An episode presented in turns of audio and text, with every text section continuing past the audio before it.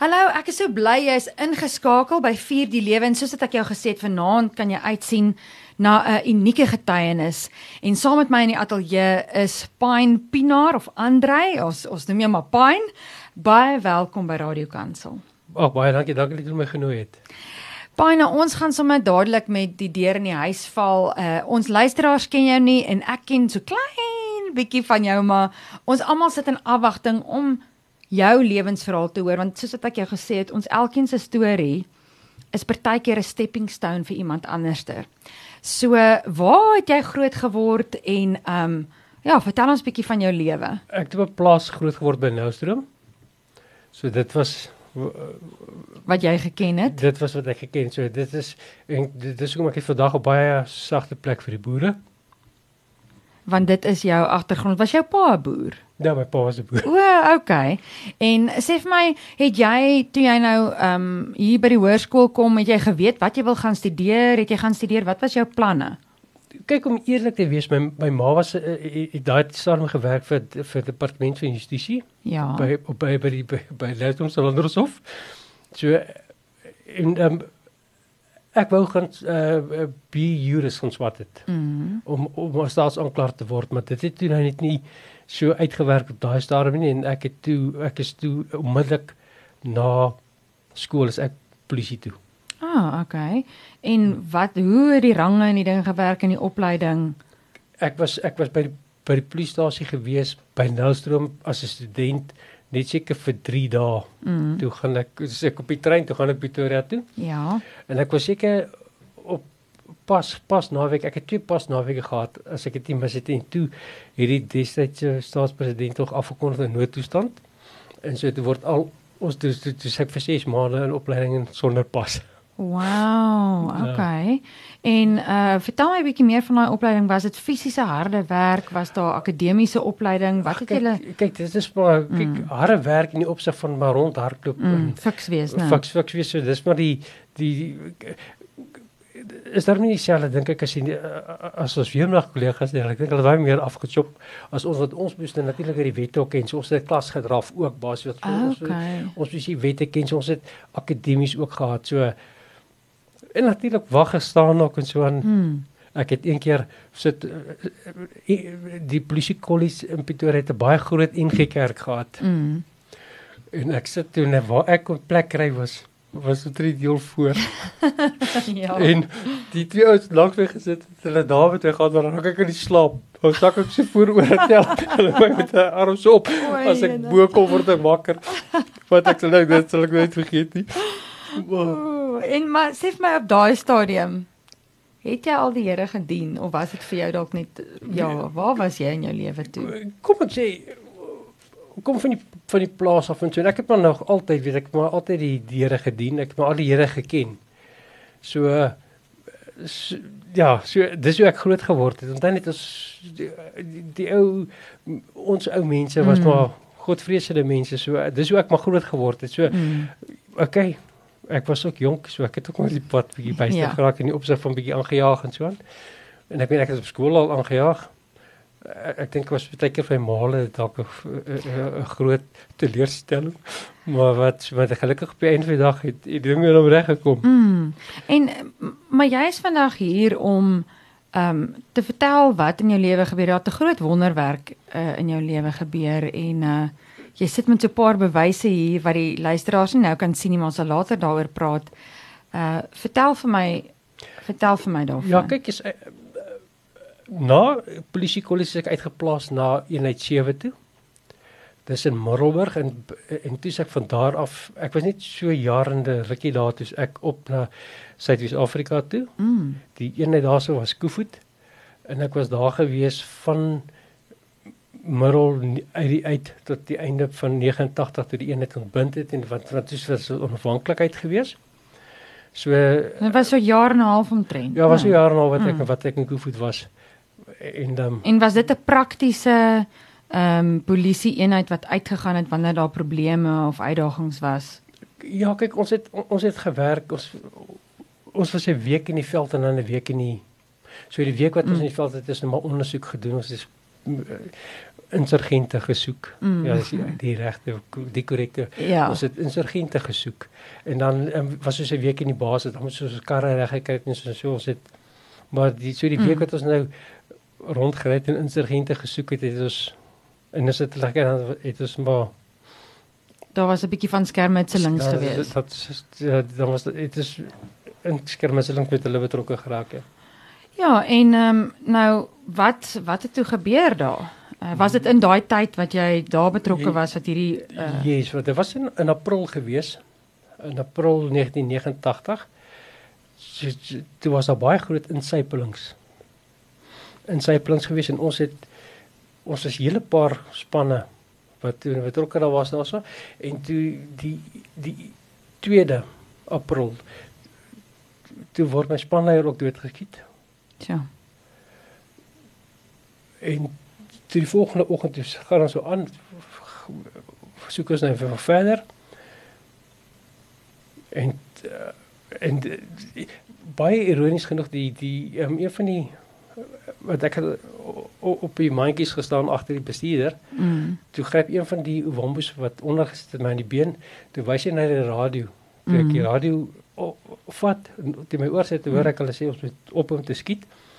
En toe ek die radio neersit toe voel ek hou my maag toe was toe besef ek onmiddellik nee ek is nou ek's gekwes So en wat gaan wat kyk dit is nou baie lank terug maar wat gaan deur 'n ou se kop as jy ek meen daar's soveel adrenalien wat deur jou lyf spoel maar wat gaan deur 'n mens se kop as so iets gebeur? op daai stadium dan die, die eerste ding wat ek seker maar dink is jy weet dis ja, nou- dis nou die einde. Dis die einde hier gaan jy maar.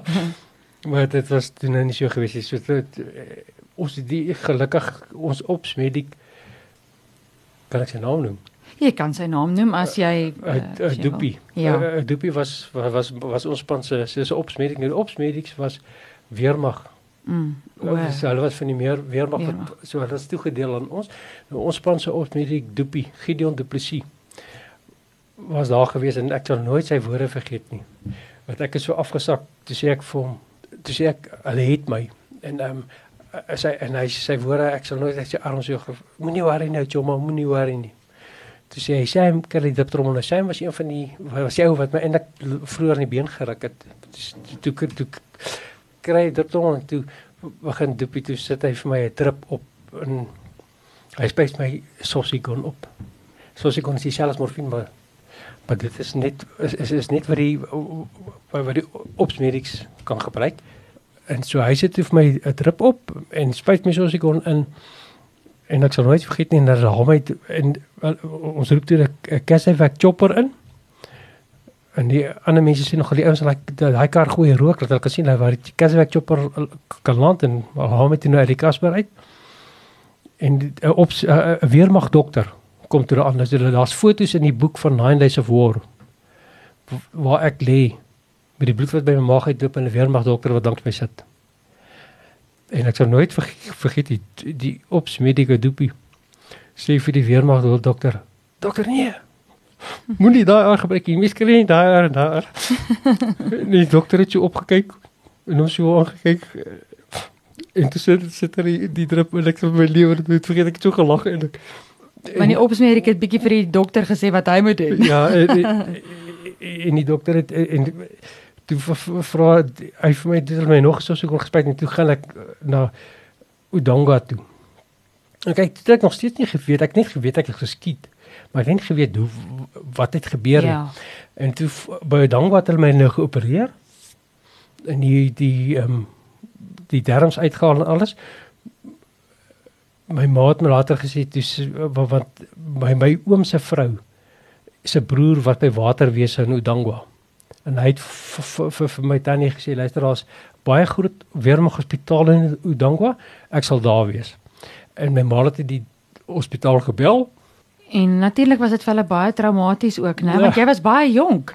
Ek weet nie hoe oud was jy in daai dae gewees nie, want ek Se- 17. Werklik. Nee, wag, ek was ek het 18. Ek was net 18. Okay, maar jene, dis dis jy's nog 'n jong, maar jy moes eintlik nog Ja. op skool gewees het. Ja, ek was dit- ek was wat ek Nee. was ek het 17 ek was 17 toe ek matriek uitkom. Toe het ek 18 geword en so ek was daai tyd ek wag ek was dalk 19. Maar nog steeds nê, nee, jou jou ouers dink aan jou, nou moet hulle jou daar by die hospitaal kom kry en hulle weet nie wat om te verwag nie. Yes, en toe kom hulle nou daar aan en as jy toe nou uh, was daar nee, was daar iets in daai tyd soos ICU of so ek sal nooit vergeet ek, ek was op skool het ek 'n rugby besering opgetel met my mm. heup Kate was. Mm. En toe ek lank later by die dokter aankom het die dokter my gevra het my die die narkose spuit ek moet tel. En ek het tot by 6 1 2 3 tot, tot by 6 gekom en toe jy uit. Toe klats ja. ek uit. En wat wat, wat my nogal erg was op die operasietafel by Udang was die dokter my glad nie gevra om te tel nie. okay. Hulle het my glad nie gevra dit was vir my vir ek het gedink wat gaan hier aan? Ek het dit nog nie goed afvaar en heeltyd vra die dokter nie vir die ander klop sy hart nog. Dink dit hulle raak my al hoe groter en nou en, en hulle vra my net te tel. Ag, sies tog ja. En toe later toe toe sit ek in in Wanmal en nog snaaks. Wanmal was 'n opleidingshospitaal, so mm. daar was 'n professor so gryskop professor, ou professor was 'n moeilike ou kerel geweest. Ek glad nie glad nie sy naam onthou mm. nie. En dan was daar so ander hele span dokters. Nou hulle sal in die oggend kom en luister dan sal die professor sê As hy point hy dokter, en dan sal die dokter nader stap en dan sal hy luister dan sal hy sê, "Dan vra die professor, ja, as die dokter sê nie die maag klink klink mm, beter." Mm, mm. Ons wys hy die ander so en daar was een dokter van die spulletjie wat nou vir die groep dokters wat hy besig was om chirurgie neem ek aan verder te mm, studeer. Mm. Wat my altyd baie uitgestaan het, hy baie vra met my vir my gevra en hy het altyd by my kom staan en sê altyd soos een keer toe, toe sê ek vir hom ja, ek kan nie, nou kan ek nie pyn nie meer hou nie. Mm. Toe roep hy al die susters, al die nurse, almal roep hy. Mm. Hy sê pyn het gekla oor pyn, want ek het nooit gekla nie. Ja. Sy het seker 'n baie groot pyndrumpel gehad op ja, pyndrumpel, ja, want daai moes erg gewees het. Ja, en en toe en toe spuit hy my morfine. Ek sal dit nooit vergeet, dan gaan die, die pyn kom so uit, maar jy weet die pyn is daar maar mm. lê net so bo op jou. Ja. En so, maar toe ek sê die volgende dag toe agterkom, wat is die feit want dit is mm. my ma lief by my die volgende dag. Ja. Altyd so 'n augment ingespuit het, het ek naar geword. Ja, dit is antibiotika, né, of wat? Penicillin. Ja, en ek het nie ek het nie geweet nie geweet is penicillin nie. En en toe my ma dan dat ek altyd 'n bakkie gehad dan dat ek nou nagehoor ja. die bakkie en so my ma het sê skam dat dit gebeur so 'n augment inspuit toe dog ek nie ek moet stadig stap na die Ag, sies tog na die badkamer toe. Ja, na die na die wasbak toe. En toe was nie vinnig genoeg nie. Toe kom die professor ingestap daar, toe kyk hy my so. En hy kyk so en hy begin te gaan net skree. Dis jy van sorry. Ja. Ek was nie betyds by die wasbak nie. Hy sê ek praat nie met jou nie. Ja. Net toe sê hy mos as 'n man meer as 25 mm opbring as daar moeilikheid en dit toe gaan ek in vir daai middag 5 uur vir 'n noodoperasie wat binne so 'n keer absesse het ek 3 absesse gehad 40 mal 40 mal 25 mal regtig wow so, en maar ek moet jy dan na dit dit is skoon gemaak het daarna het ek baie van beter geword. So hoe lank was jy? Goed, jy was eers in Odangwa in die hospitaal toe vervoer hulle jou eenmal toe. Die erge van alles is, is dat ons gevlieg eh, van met Tef eer nog. Het hulle ons gevlieg. Maar wat nou baie ja, was my was my nogal tragies geweest. Maar Helena daar, hulle haak jou in Kassewek hakke. Mhm. En onder my het 'n wambo geleef wat in die keel geskiet is. So hy het heeltyd so swaar asem gehaal. Dan sit al die mense heeltyd so in terugkyk na ons ouetjies. My liewe land. Almal in die vliegtuig, almal sit heeltyd so met Ja, wat was was erg geweest. Ek het dit nooit vergeet. Maar jy's nou uh eenmal toe en was jy rukkie daar? Ja, maar net so 3 weke. Onthou ek was jonk geweest, so ek het herstel. Kyk, was, jy is net Ja. As 'n jonk is herstel hou ons maar vinnig. So. Okay, so toe jy nou jy het nou die absesse gekry, hulle het dit skoon gemaak. Ehm um, en toe weet jy nog steeds nie wat presies met jou gebeur het nie. Nee, toe weet ek nog steeds nie. Toe wat die koor dokter wat ek noem nou die koor dokter, ek wens ek kon hom eendag weer ontmoet het dat ek vir hom verduidelik mm. het. Mm. Maar die koor dokter sê het baie met my kom praat en sê vir my hy weet nie wat het gebeur nie, my patrone dwars ingegaan. Dan sê hy as ek soos ek geloop het, kon dit met 'n takkie getref het of 'n grashalp, halmpie of iets van die patrone dwars ingegaan. Toe sê ek vir hom, "Ja, dokter, ek ek meen ek is nie voetsoldaat nie. O, ons ry op karre." Mm so ek, ek het by Casper gery. Dis sê ek wat kan gebeur dat ek agter my Ghana gestaan op die mandjies van die agter die bestuurder. Mm -hmm. Wat kon gebeur het is daai patroon kon dit daar die daar het getref het en dit mm. kon terug gericochet het. Mm. Maar hy het baie keer vir my gesê wat wat hy het my gesê die patroon reg het ingegaan het. So dit my rugstring getref het Mm. en omdat my hoofslagare langs my rugstring oploop oploop so ek binne 5 minute dood gebloei het. So hy het my baie keer gesê hy hy kan nie verstaan hoekom daai patroon dwars ingegaan nie. En En hy was baie naby aan jou hart ook, nee, dit jou hart met millimeters gemis, is dit nie?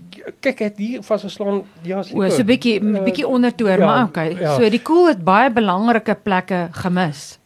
ja die die belangrikste plek waar die koel gemis het is my rugstring. So. Want as hy my rugstring getref het, sê ek binne 5 minute dood gebloei. Ja.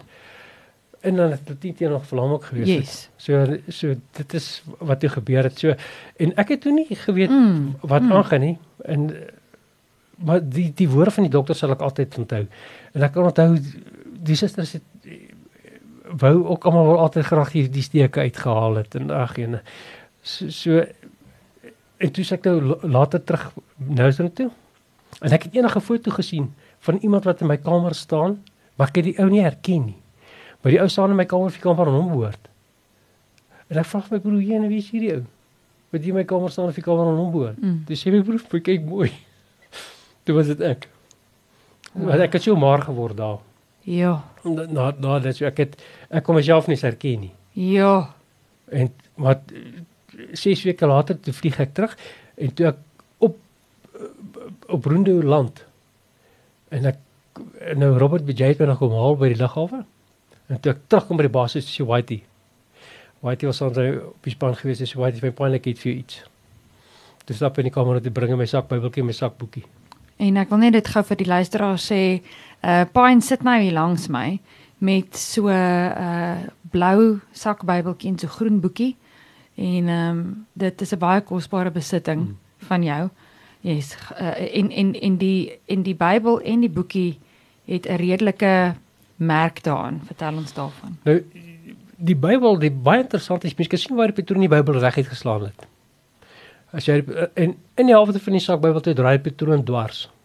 Mens kan nie Ja. die punt sien waar hy dwars gedraai het en waar uitgekom het met dit lyk daar's ook nie eens eintlik werklik skare nie. Dis net die Dis net hy, so bietjie aan die kant. ja, ja. waar hy waar hy in is en waar hy gedraai het. ja. Maar die sakboekie die wat nou in die polisie is, weet ons ons het altyd sakboekies gehad. Nou die sakboekie agter die Bybeltjie het so 'n chip En dis nie 'n klein chip nie, dis 'n redelik so groot soos 'n mens se duim omtrent, dis die Ja. chip. Ja, so 'n chip wat weg is wat so die patroon toe daar uit is en die chip gemaak het en daai is toe alles in my maag in. En toe wens ek ek kon vir daai dokter gesê het ek weet nou hoe kom die patroon dwars ingegaan. Mm. Want jy was daar besig om jou ehm um, werk te doen as 'n ehm um, polisielid. Jy was op ehm um, ek wil am, amper sê patrollie, maar jy was daar besig en jy het nog steeds die woord van God by jou gedra. En ehm um, die Here het jou lewe gered. Vers- Verseker. Maar as ek moet terugkyk my lewe is daar maar mense vir die tyd nie in voetspore. So. Ja, dit is so waar want eh uh, die lewe het maar baie ehm um, gooi ons baie curveballs, nê, nee, en baie dinge wat gebeur. Ja, nee, ek moet sê so Ja. En en het daar van daar af toe jy nou sien wat gebeur het, ehm um, het dit iets verander in jou verhouding met die Here, ehm um, of jou uitkyk op die lewe of ehm um, ja, dit moet tog sekerlik 'n impak op 'n ou se lewe maak.